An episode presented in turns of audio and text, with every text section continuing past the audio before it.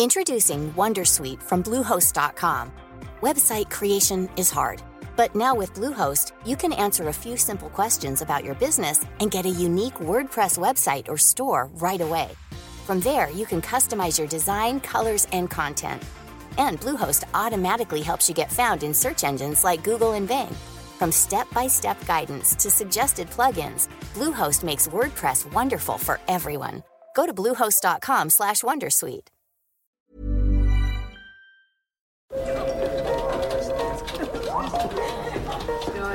Dette er lyden av norsk næringsliv. Akkurat nå tas det små og store valg som kan bli avgjørende for fremtiden.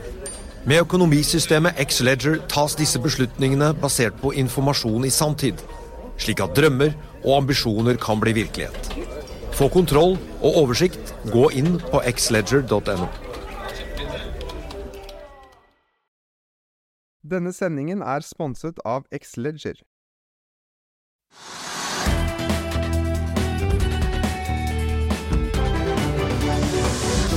En eh, riktig god fredag og velkommen til Økonominyhetene på denne fredag 12. august. Etter en eh, flat start tidligere i dag så har hovedindeksen nå vendt litt eh, nedover med en nedgang på 0,26% Men dermed ligger vi jo fortsatt, til tross for denne nedgangen, altså i pluss for uken og august måned, med da disse 1263 poengene.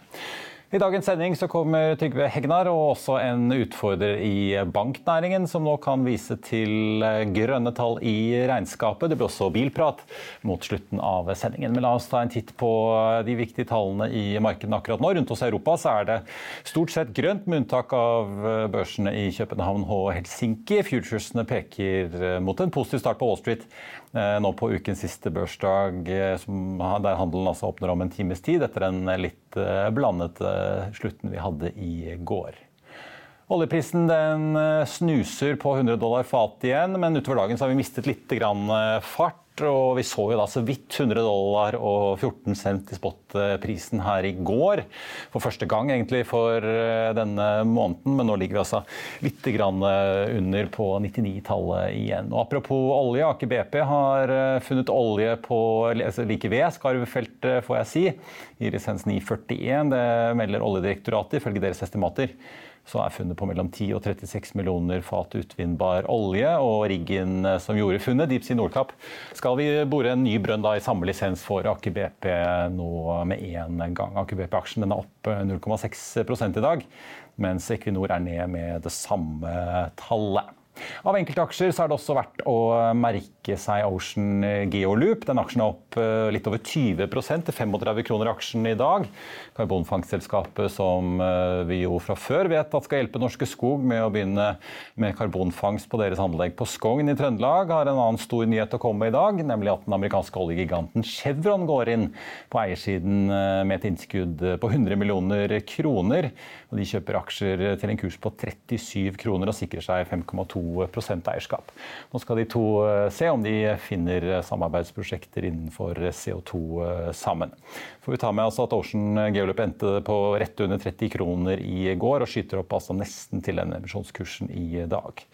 Bak eh, dette selskapet så står Opticom-gründeren Hans Gude Gudesen, og vi merker oss også at styrelederen i selskapet er Anders Onarheim. Han er jo da på daglig basis konsernsjef i gassfraktrederiet BV LPG. Okeanis Seco Tankers eh, kunne i dag melde om en sterk resultatvekst, eh, der resultatet etter skatt endte på eh, rett under 8 millioner dollar fra et underskudd på samme beløp på samme tid i fjor. Den aksjen har tikket opp litt over 7 i dag. Aqua Group fikk et driftsresultat på minus 41,4 millioner i andre kvartal, mot et overskudd på 32,4 på samme periode i fjor. Driftsresultatet er på linje med et resultatvarsel som selskapet sendte ut litt tidligere i august, og aksjen har krøpet opp nesten halvannen prosent i dag.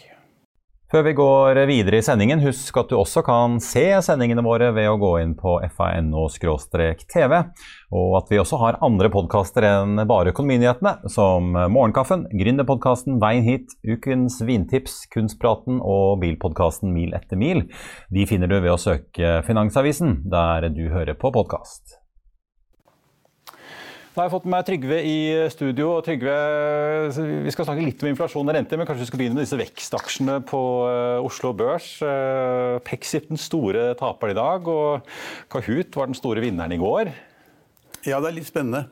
Det skjer litt. Ja, Kahoot var jo da vinneren i går. De hadde en oppgang på børsen på, med 26% Det var veldig mye. og Derfor var det en bitte liten korreksjon i starten av dag. Og så er det pluss-minus null nå. Ja. Men, men, eh, du kan si det at Kahoot har jo vært oppe i 110 eller 120 kroner, eller sånn, hvis ikke 130. Iallfall langt opp. Og så har den vært tradet i sånn 14-15-16 kroner på det laveste. Og så fikk man et, et rykk nå, da, fordi at de kom med tall som viste at de hadde en positiv omsetning. Men så er det da tvil om hva den omsetningen egentlig gjelder, og om det, om det er en primæromsetning. Altså det er tvil om det, slik at Markedet har sendt aksjen opp igjen i går, men holder litt tilbake i dag.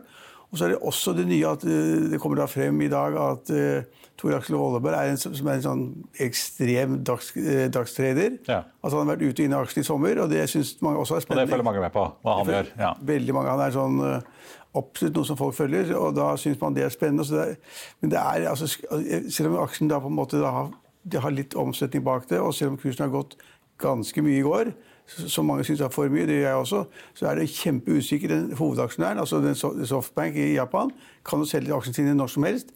Ledelsen i selskapet øh, kjøpte jo massevis av aksjer på 100 eller 120 kroner, og nå er den altså da på 27.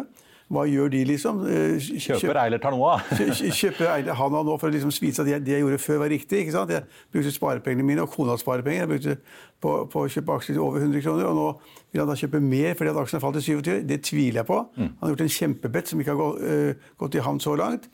Men hadde han gjort det, så ville kanskje, da, liksom, da, kom, da ville det kanskje vært mer hold i at omsetningen er der, og at de kanskje kommer til å tjene penger. Kanskje.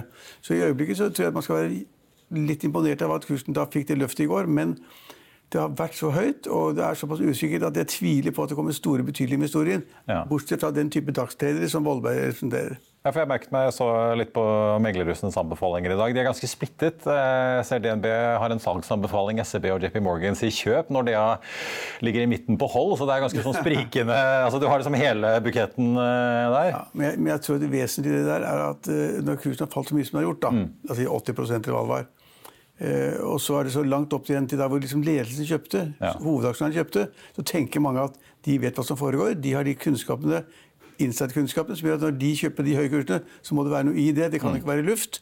Mens andre tenker at dette er luft. Mm. Konkurransen er tøff, de får det ikke til. Og at det, det fallet som er til kursen, på en måte var, var forventet. Det, det, var kanskje også nødvendig, men kanskje litt for mye å få, få den korreksjonen. Så tenker, så jeg, altså, det, er, det, er, noe som ikke stemmer når ledelsen når, og hovedaksjonæren kjøper aksjer på 120 eller 130 kroner, mm. og så faller den da til 15. Det er noe som ikke stemmer. Ja, og Det store spørsmålet er jo de, eh, Det har jo vært liksom spørsmål rundt disse prognosene sine på, deres på, eh, på, veksten og hvilken omsetning de skal ha. De, holder seg på, denne, på nesten 200 millioner dollar da i år og en halv milliard da i 2025. og Det er jo ikke så lenge til. Nei, da skal det vokse ganske mye. Ja, veldig godt så er det på en måte disse analytikerne har diskutert. Er det, er det tatt mulig nei, å nå dette eller ikke? Ja. Nei, men du, du, har et godt poeng. Altså, det, er, altså, det, er, det er skepsis til de tallene. Og Det er liksom litt sånn uro over at ledelsen er såpass ivrig på å fremme den veksten. Mm. Så Folk tror ikke på det. Så det, det, er blitt en interessant selskap. Veldig mye trading, skumle tradinger. Merkelig at hovedaksjonæren som er der, liksom ikke sier noe. og Det kan tenkes at Softbank, som har problemer i hjemlandet, og i masse andre selskaper, de har tapt en formue. Eh, så plutselig en dag så får de beskjed om at de har solgt alt for, ikke noe. Og da er det liksom slutt. Apropos daytrading. Eh, aksjen er ned 0,2 i dag. Men altså, siden nyttår så er den ned 40. Mm. Siste måneden opp 40. Ja. Så timing is everything. Ja. Hvis, du er, eh, hvis, du har veldig mye penger og sover godt om natten, så kan du kjøpe aksjer der. Ja. Du, En annen aksje, dagens store taper, får vi si, ned 16 eh, videokonferanseselskapet Pexip. Annonserte jo på altså rett etter børsslutt i går eh, kvartalstall og detaljer i denne spareplanen som skal gjøre dem lønnsomme igjen. Kutter ganske kraftig bemanningen sin og lover besparelser eh, både de neste kvartalene og, og fremover på permanent eh, basis. Men det virker jo som markedet ikke er sånn superbegeistret for dette her. Ja, altså Dette er et videoselskap, og det syns mange var veldig morsomt en periode. Det var masse, masse videoselskaper som, som, konkurrerte med hverandre, og alle tjente penger stadig. Men dette er et bitte lite selskap, Marius. Altså det er, Markedcapen er hvis ikke husker helt rett, så er det litt over 1 milliard kroner. Det er ingenting. Og så kom da tallene nå som var kjempedårlige. Og så skal man da, som man alltid må si, at det skal vi rette opp og kutte kostnader og vi skal sparke masse ansatte. Det har de også gjort. Eh, men altså, det var jo da et resultat på EBD-tall på 110 eller 115 millioner kroner i minus. Det går ikke. Og så har de brukt 20-30 millioner kroner, sier ledelsen, på å fjerne ansatte. Det, det går. Det er riktig å gjøre. Men det er, dette er ingen som tror på. Så her er tapene altfor store. og Skal man rette opp det ved å drive klassisk da, kostnadskutt og være litt flinkere, men altså, det tror ikke markedet på. Så det er et bitte lite selskap. Det der ville holdt, vil holdt, vil holdt, meg langt unna. Ja, Begge var ute i dag og sa at uh, de sier at kuttene ikke er nok for å få dem lønnsomme igjen. Så enten må det kuttes enda mer, eller så må veksten uh, ta seg kraftig opp. Ja, og der, ligger kursen på 115 kroner eller sånn nå? Ja, det, ja, altså den ligger ja, under det, er det vel. Nå skal vi se her. På, skal jeg slå opp i det? Men i hvert fall på det jeg skulle si, var at ABG har tatt den ned fra 18 til 13 kroner. Men i fjor for et år siden så hadde ABG også kursmål på 130, ja, så de ligger jo nå på en tiendedel av, eh, av hva det var. Det var masse av disse tekstselskapene som du var inne på. Ja, det er nå på 11,99 er de på. Ja, men altså, det var masse av disse tekstselskapene som var altså De ble priset helt vilt. Det var luft, luft i ballongen.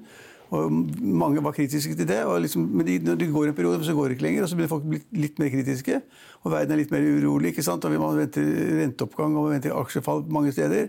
Og da får disse tekstselskapene de en kjempesmell. Da går folk i verdiaksjer hvis de kan. Mm. Verdiselskaper. Og, og, i Norge nå så er vi på vei bort fra den der ville prisingen. Og husk på at Da vi gikk på skolen, så lærte vi liksom om prising av earnings fremover osv. i mange år. Nå snakker man om prising i forhold til omsetningen. Ja. For da, man, liksom, da, da, kan man forsvare de tallene man kommer med. Price sales, ja. ja price sales, altså ok, Det er tall vi bruker, men det er ikke noe vi liksom prøver å overbevise folk om man skal bruke for å, for å liksom investere seriøst. Det gjør vi ikke. Apropos sales, eh, vi har fått noen inflasjonstall denne uken. Eh, holdt jeg på å si, Det ene eh, sjokkerte og det andre beroliget, virket det som. Det amerikanske beroliget, og her i Norge var det en del som hevet øyenbrynene over den økningen vi så inflasjonen til 6,8 eh, på årsbasis da i juli. Ja, Vi har en altfor sterk prisvekt. I USA, helt vilt. Da, da sank inflasjonen fra 9,1 til 8,5. Det ser selvfølgelig litt bedre ut enn 9,1. Eh, I eurosonen så er man på 8% Det er ikke bra. I, I, Norge så ligger vi da mellom 6 og 7% Det er litt småjuks. Fordi at I de tallene, norske tallene som vi opererer med, da, på 6,5 eller 6,3-6,8% inflasjon, så har man, har man liksom gjort det litt penere ved det at den strømstøtten vi har fått, alle husholdningene du og jeg og alle har fått, eh, den strømstøtten har da brakt prisveksten ned fra 8-9 til 6-7. Liksom, da, da, ser det litt penere ut, men det er stygt uansett. Og Norges Bank de er nødt til å forholde seg til realitetene. og de liksom, Hvis man da liksom pynter på inflasjonstallene ved da på en måte gi subsidier i samfunnet, da, tar ned prisen på avgifter eller skatter eller på strøm, eller hva det måtte være, det kan man ikke ta hensyn til. Så det er den underliggende prisveksten som er skummel. Eh, og den vil da Norges Bank eh, ta hensyn til, og de vil da øke rentene ganske kraftig. Og de vil øke rentene ganske kraftig i USA. Der får vi kanskje en sånn dobbeltøkning eh, igjen. Det får man også i Norge. Så vi får renteøkninger på bred front for å, da, for å få inflasjonen ned. for vi skal, vi skal, ha en prisvekst på rundt 2 og de fleste land har det som mål. Kjerneinflasjon eller inflasjon på 2 og vi er så, langt, ja. Ja, vi er så langt fra at det ligner ikke noen ting. Så derfor, vi får en kraftig rentevekst i de fleste sentralbankene i USA, i Europa og i Norge. Og da, hvis renten stiger så mye, altså hvis renten stiger så mye, så vil det få en ganske sterk innflytelse på aksjemarkedet, og det ser ikke bra ut. Nei, for det, Nå var det jo eh, selvfølgelig da dagligvarer i og med at de har dette prisvinduet i bransjen 1.7, hvor de øker prisen i tillegg til 1.2 som åpenbart sto ut. SSB sa at de aldri sett en så stor uh, prisøkning på, på, mat- og drikkevarer i en enkel måned uh, noensinne. Ja, og Kjerneinflasjonen har heller aldri sett så høy, men, men, det er jo interessant å lese notatet fra SSB, for de sier jo at her er det prisstigninger jevnt over rundt baut. Det er på en måte alle kategorier, så Norges Bank har jo ingen Det virker jo ikke som de har noen ting å holde seg fast i for å si at dette er forbigående eller midlertidig eller kun deler av økonomien. Her er det prisøkning jevnt over rundt baut. Og vi så det jo Utleieprisene kom jo også denne uken, hadde jo økt, hadde aldri økt så mye før. Ja, altså Utleieprisene har økt med noen, litt over 2% Det høres ikke så mye ut, men det er, liksom da, det er en veldig høy vekst sammenlignet med tidligere. Mye er vel koblet til KPI-tall uansett? Ja. ja, og der kommer det kanskje mer. for Mange har koblet til konsumprisindeksen, og noen har koblet til andre faktorer, til rente osv. slik at der får vi mer. Og matvareprisene har steget med 10% det ser folk. Og så har du ennå ikke fått de her strømregningene. Altså når strøm, strøm, når strømpris, at Man skal dekke da liksom da 80% av prisen over 70 øre per kWt. Men de regningene man har fått hittil, de ligger langt under det de kommer til å få. Så når husholdningene får de strømregningene, betaler den summen for matvarene, og så ser at renten øker og kommer til å øke ganske kraftig, så blir det ganske mye uro i Norge. Så regjeringen er jo på tapende front. De vet ikke hva den skal gjøre. Litt sånn svak ledelse. De kan ikke si at matvareprisene kommer til å falle. Det kan de ikke si. De kan ikke si at vi skal uh, redusere skattene. Det tør de ikke, for da blir pressøkonomien for stort. Og finansministeren sa i dag tidlig at vi skal være kjempeforsiktige, ikke bruke oljepenger. Bare ligge veldig lavt, for vi vil ikke drive prisene opp, som gjør at rentene går opp. Det kan jo bli interessant å se hva Kid og Europris og alle disse butikkjedene sier om julehandelen, hvis eh, folk både skal eh, få høyere renter, betale for oppvarming utover høsten og ja, da går jo mye av de disponible inntektene. Ja, folk, Men folk kommer til å bruke mindre penger. Mm. Altså, de måte, de, det kan jo bli en interessant Q3-sesong eh, hvis du ja, leser guidingen til alle disse ja, handelsaksjene. Det, var, det som var poenget at Husholdningene hadde veldig mye reserver etter altså 2020 og 2021. De hadde liksom brukt mindre penger. Alle var hjemme, de var på hjemmekontor visste ikke hva de skulle gjøre. Satt der liksom innenfor fire vegger og ikke kunne gå på restaurant, ikke kunne kjøpe noe. Da sparte de ganske mye penger. De pengene hadde begynt å bruke nå på strømregningene sine, på matvareprisene. Uh, og så er spørsmålet hvor mye har de å bruke når det kommer til høsten og jul og julegaver osv. Etter min oppfatning kommer de til å bruke klart mindre penger. De liksom redde seg selv og være forsiktige. Så de, de som ikke var forsiktige tidligere, må vil være forsiktige. og Da vil de få et redusert uh, salg i detaljvarehandelen. Og det er ikke bra for disse butikkjedene. Så hvem som skal tjene penger utover energiselskapene, utover da strømleverandørene, oljeselskapene, gasselskapene og oljeservice. Det vet ikke jeg. Nå ser vi at nå løsner litt på Oslo Børs også da liksom, eh, Siem Offshore opp, ikke sant? Solstad Offshore opp. altså Alle de som har med olje og offshore å gjøre, de er fremdeles litt opp, og alle mm. tror på det. Ja. Men de andre tingene, handel og den type aksjer nå, det er ikke bra. Så får vi se. da. Jeg husker jo godt at både Nordnett og DNB og mange kunne skryte av rekordinnrykk av nye sparekunder under korona. Det kan jo være at den eh, strømmen bare snur eh, ja. tvert om? At folk nå begynner å cashe ut alle disse aksjefondene som de satte penger i under pandemien? De må være forsiktige. For først må de løse opp sine fondssparekonti. Så må de også da løse opp de, de sparepengene de har i banken. Da. Kanskje de har spart 20 000 eller 40 000 ekstra i løpet av to år. Så må de begynne å løse opp i det. Men de vil, etter min oppfatning, jeg har ikke vært rundt og spurt, og du har et godt poeng. Altså, da, Hva gjør de liksom Kid, og hva gjør da XXL, Europris og ja. Sportsbransjen, XXL, som du sier, Hva gjør folk? Jo, de kjøper færre slalåmski, færre langrennsski, færre hjuler, duer og færre hansker. Mindre duftlys og servietter. Ja. Det går dårlig. Liksom, det, det, er spennende å se, men det er, det er, liten tvil om at folk vil være forsiktige, bruke mindre penger. og Det kommer til å slå ut av Europris, Kid, XXL, som du sier, og kanskje andre, og, og andre sportsforretninger. Og bare sånn kort til slutt for å ha det, Nå skal Ida Wolden Bakke, sentralbanksjefen, ned til Arendalsuken på uh, torsdag. Det er også et mellommøte, altså et, uh, ikke et fullt møte med full pengepolitisk rapport da neste torsdag. DNB Markets og flere går jo nå og venter en dobbeltheving på dette mellommøtet. En ganske uvanlig situasjon. Uh, tror du det er det vi får på torsdag? Jeg er nesten sikker på det. Mm. Altså, hvis vi bare skulle øke med 0,25, altså 25 basispunkter, så er det helt Det stemmer ikke med den prisveksten vi har. så det at det kommer en dobbel økning, det tror jeg også jeg på. Takk skal du ha. God helg, Trygve. Apropos renter og inflasjon, eh, før vi tar inn dagens gjest, så skal vi holde oss innen makroøkonomien. Britisk økonomi sank nemlig med 0,1% i andre kvartal, etter en oppgang på 0,8 i årets tre første måneder. Oppbremsingen skjer samtidig som britisk inflasjon ifølge CNBC er ventet å toppe ut på 13% i oktober. Bloomberg har sett nærmere på hva dagens BNP-tall egentlig sier oss.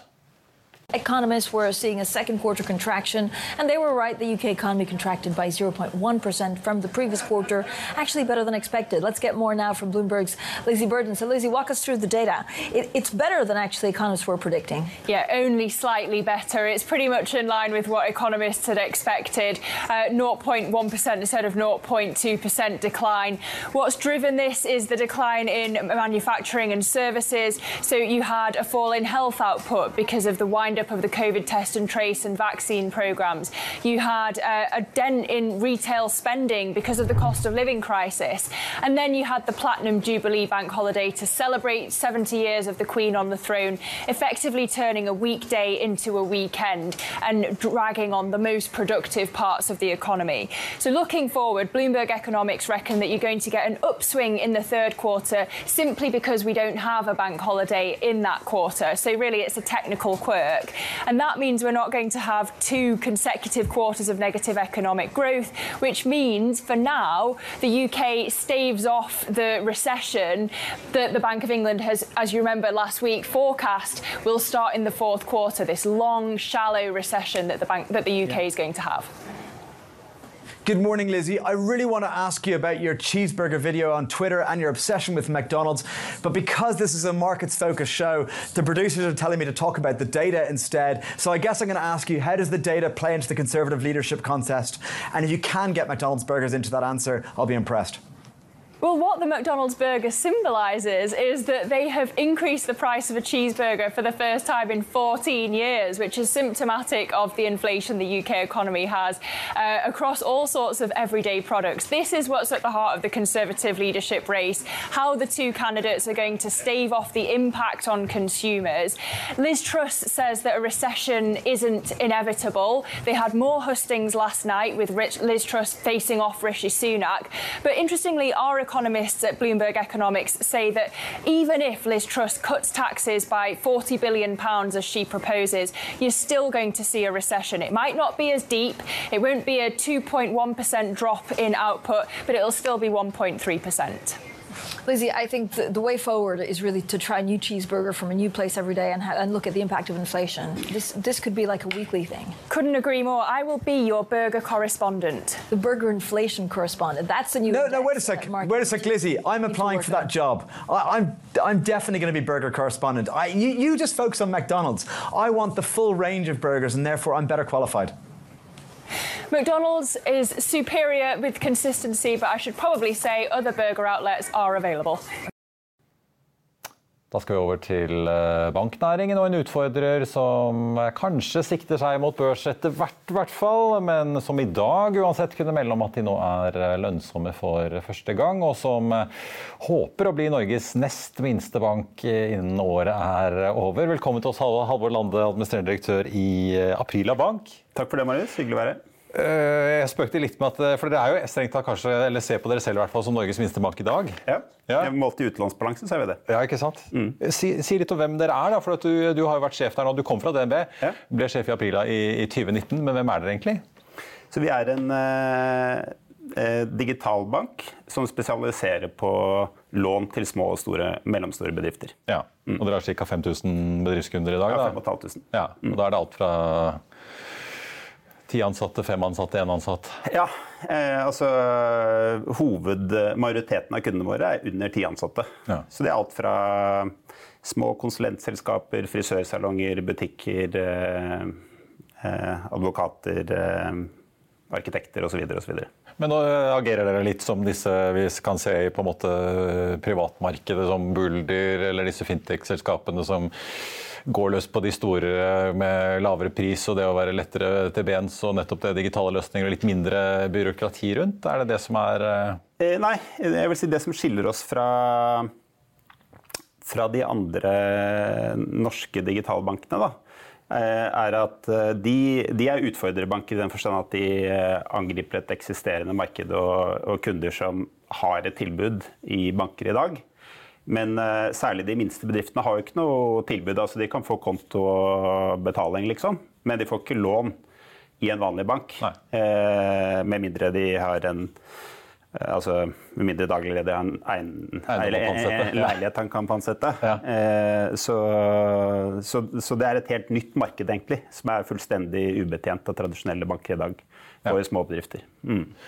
Ja, for dette, jeg har jo sett, altså, vi har også sett aktører som Cameo og Funding Partner dukke opp og tilby lån til uh, småbedrifter. Kniver dere litt med de òg, på en måte? da, eller? Ja, det, det, er kanskje de nærmeste vi har av uh, konkurrenter, men, men, likevel så De er jo ikke banker, men de formidler jo på en måte lån likevel? Da, ja. ja. og dessuten så um, gir jo de typisk litt større lån, da. Eh, og gjerne til mellomstore selskaper og mye inn eiendom. Mens eh, vårt fokus er igjen mindre bedrifter, mindre lån. Gjennomsnittlig lånestørrelse hos oss er 160 000 kroner. Så ja. det, er, det, er, små lån til små bedrifter. Kassa, kassagritt, Norge, ja, si. Norges minste bank for Norges minste bedrifter. Ja, men hva ser dere potensialet her, da?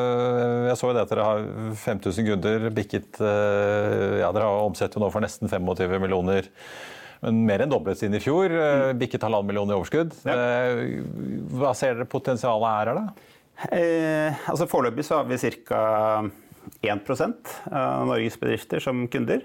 Eh, og potensialet burde vel være en fjerdedel, kanskje, over tid. Ja. Mm. Så du føler du har nok å vokse i? Ja, det er, det er god plass til å vokse. Ja. Selv om du ikke på en måte får Equinor som kunde, så, ja. så, er det likevel nok å ta av. Ja. Men, men, det er også grunnen til at uh, dette segmentet er, uh, er underbetjent av de tradisjonelle bankene. fordi selv om det er selv om det er utrolig mange bedrifter, altså 95% av alle bedrifter er småbedrifter, uh, så så er nettopp det at gjennomsnittlig lånestørrelse er så liten, er at størrelsen på det segmentet målt i total potensiell ubetjent utlånsbalanse er moderat i forhold til uh, utlån til store bedrifter. Uh, så, det er, uh, så det har vært mye jobb med å kunne lage kostnadseffektive, helautomatiske og presise risiko- og prismodeller for faktisk å treffe det segmentet på en god måte. Ja. Men hvor stor konkurrent er liksom din gamle arbeidsgiver og de andre store etablerte bankene, som jo kanskje har eh, bedriftseieren eller daglig leder som privatkunde allerede? Nei, De er ikke konkurrenter i det hele tatt. De, er, eh, de blir jo i større og større grad samarbeidspartnere. Eh, så DNB og SR Bank f.eks.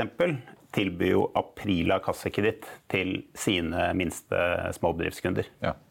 Så det driver butikk, butikk i butikken. Ja. ja. Så de blir på en måte en slags låneagent for deg? da? Ja. ja. jeg så dere hentet 60 millioner eh, kroner i finansiering i kvartalet. Dere handles jo nå OTC, så dere er jo ikke børsnotert. Men vi har jo sett noen mindre banker bli notert de siste årene. altså Instabank komplett eh, en del av disse. Har dere børsplaner sånn i umiddelbar fremtid? Vi har ikke konkrete børsplaner, men det er, det er noe vi vurderer fortløpende. Så det er ikke det er ikke uaktuelt at det skjer i løpet av de neste ett til to årene, kanskje. Men hva, hva er fundingbehovet deres fremover, sånn som dere ser det? da? Foreløpig har vi ikke noe fundingbehov på horisonten. Vi er nå kapitalisert for å kunne vokse, vokse så raskt som vi vokser. Ja. ja. Eh, til slutt så tenkte jeg Når jeg først har en banksjef eh, i gjestestolen, så må man jo høre om eh, hvordan det går med kundene. Ja. Vi snakket jo med Trygve i sted om inflasjonen. Ja. ja. Nå er vi jo litt den uortodokse situasjonen at ja, disse makroøkonomene går og venter en dobbel renteheving fra Norges Bank nå på mellommøtet under Arendalsuken. Mm. Hva tror du selv? Ja, det, det stemmer sikkert. Altså det blir sikkert en dobbel eh, renteheving. Eh, den gode nyheten for i hvert fall de minste bedriftene er at de har tross alt fremdeles såpass lite lån og lave renteutgifter. Det påvirker ikke så mye? Nei, det påvirker ikke de i det hele tatt. Eh, det som, det som er interessant å observere, fordi vi følger jo veldig nøye med på kundene våre, som vi tror er et veldig representativt utvalg av SMB-bedriftene. Du har jo litt fingeren på ja, termostaten. Veldig stor grad. Eh, og, og, vi ser eh, at kostnaden øker. Eh, sammenlignet med første halvår i fjor så har gjennomsnittskostnaden økt med ca. 9% Mye drevet av inflasjon, sannsynligvis. Men de har klart å dytte kostnadene videre til kundene sine. Så inntektene i samme periode har vokst med 10 ja.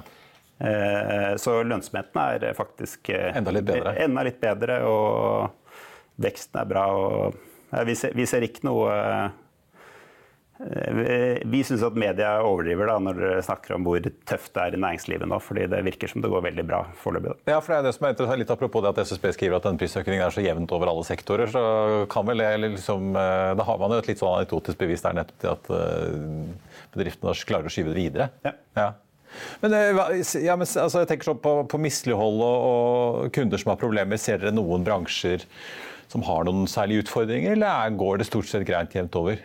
Nei, det går stort sett greit jevnt over. Eh, den, eh, den, eneste bransjen som har hatt en Der vi ser en marginskvis nå, sammenlignet med i fjor, er, er eh, teknologi og kommunikasjon. Ja. Der er omsetningen litt ned, i snitt 1% men, men de har lønnspress og kostnadspress som alle andre, så det er, så det er, det er en marginskvis. Men andre enden av skalaen. Eh, hoteller og restauranter har doblet, doblet omsetningen ja. siden i fjor. Ja, ikke sant. Ja. Jeg tenkte, Du har kanskje ikke så mye drivhusbønder eh, som kunder, holdt jeg på å si, som har eh, høye strømregninger om dagen? Ja. Nei. Nei, men Det er jo interessant å se. Ja. En, også interessant å se bygg og anlegg. fordi Det har vært mye snakk om byggestans og at de skal få veldig store problemer. Men de har, eh, de har, mye høyere vekst enn de har kostnadspress. Så det er også god vekst og, og marginforbedringer. Ja. Folk, det er tydeligvis noen kremmere der ute som har lært å sende regningen videre. Halvor Lande i April Bank, takk for at du kom til oss, og så vil vi si lykke til med kundekapringen. Tusen takk for det. Da skal vi snakke bil. Jeg har fått med meg Andreas Scheel, redaksjonssjef i FA Motor. Og Andreas, vi får nesten holde opp coveret på helgens motor. En si, lekker grønn italiensk skapning sammen med en streng tysker. Er det, er det sånn vi skal oppsummere helgens store test? Det er vel egentlig sånn det er, ja. At det er BMW M3 Competition som er den litt saklige litt kliniske bilen, mens den litt frekke italieneren utfordrer på litt annen måte. og de har veldig mange likheter, disse bilene. Begge har seks sylindere, 510 hestekrefter. Men BMW-en har litt mer firehjulstrekk, litt flere systemer, mens Alfaen er litt mer rendyrket sportsbil, kun ja. bakhjulstrekk. Så allikevel like rask i akselerasjonen. Så det er to vidt forskjellige biler, men samtidig like. Så Dilemmaet er jo hva skal man velge her, og det er litt avhengig av hvor gæren du er, kanskje. Ja, jeg var skulle til å si det. Nå er ikke italiensken min så veldig god, men uh, Giulia Quadrafoglio ja, Quadrafoglio Verde, ja. Det er ja. denne med etter, Dette er italienernes svar på, på AMG og M. Og, ja, nemlig. Og ja. det sitter jo en slags Ferrari V6 i denne bilen, så det har en del DNA fra Ferrari. Og det merker du når du kjører denne bilen, at det er tight, liten sportsbil, mens BMW-en er litt mer sånn saklig, ordentlig. og begge går jo fort. så Det... Ja, det tviler jeg ikke på. I hvert fall Med bakhjulstrekk så kan det bli morsomt både på sommerføre og i hvert fall vinterføre her til lands. Absolutt. Ja. Du, ellers jeg ser dere har skriver både om at Ford har laget elpickup til det amerikanske politiet og har testa Toyota GR86. Det er også en litt sånn uh, leken sportsbil for entusiaster? Absolutt. Og fordelen med den er jo at mens disse to bilene vi har på forsiden her koster 1,2 millioner pluss ekstrautstyr, og da gjerne Pluss, pluss, ja.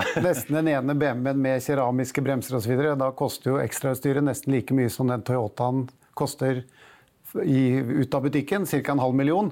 Og det er klart Den har halvparten så mange hestekrefter, men det betyr samtidig bare at du som sjåfør må gjøre jobben. Da får du ikke så mye hjelp av en liten sånn pinglete 2,4 liters selvpustende motor. Du må gire og jobbe for å få dette til å gå, men desto mer tilfredsstillende når du får det til å passe. da. Ja. Det er masse å glede seg til FA Motorhelgen også. Absolutt. Takk skal du ha, Andreas, og god helg. I like måte.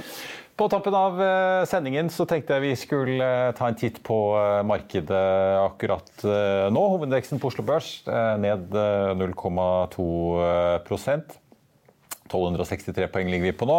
Vi får ta med Pexip store taperen i dag, da, altså ned 16,9 eh, Nå altså til 11,97 på disse tallene som kom da på tampen av børsdagen i går.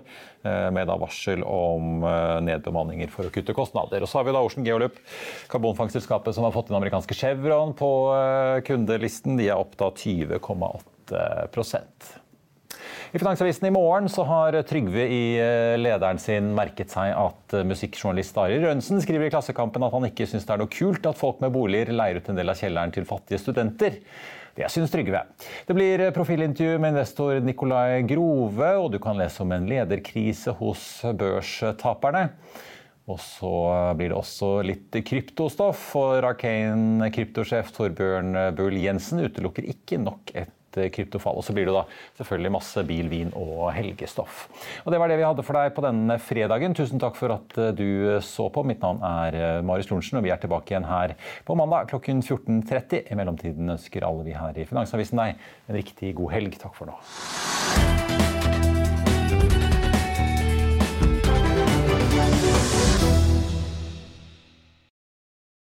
Denne sendingen er sponset av X-Leger. Join us today during the Jeep Celebration event. Right now, get 20% below MSRP for an average of 15178 under MSRP on the purchase of a 2023 Jeep Grand Cherokee Overland 4xE or Summit 4xE. Not compatible with lease offers or with any other consumer incentive offers. 15,178 average based on 20% below average MSRP from all 2023 Grand Cherokee Overland 4xE and Summit 4xE models in dealer stock. Residency restrictions apply. Take retail delivery from dealer stock by 4 1. Jeep is a registered trademark. Økonominyhetene er en podkast og videoproduksjon fra Finansavisen. Programleder er Marius Lorentzen. Aksjekommentator er Karl Johan Molnes. Produsent er Bashar Johar. Podkast- og videoansvarlig er Marius Mørk Larsen. Og ansvarlig redaktør er Trygve Hegnar.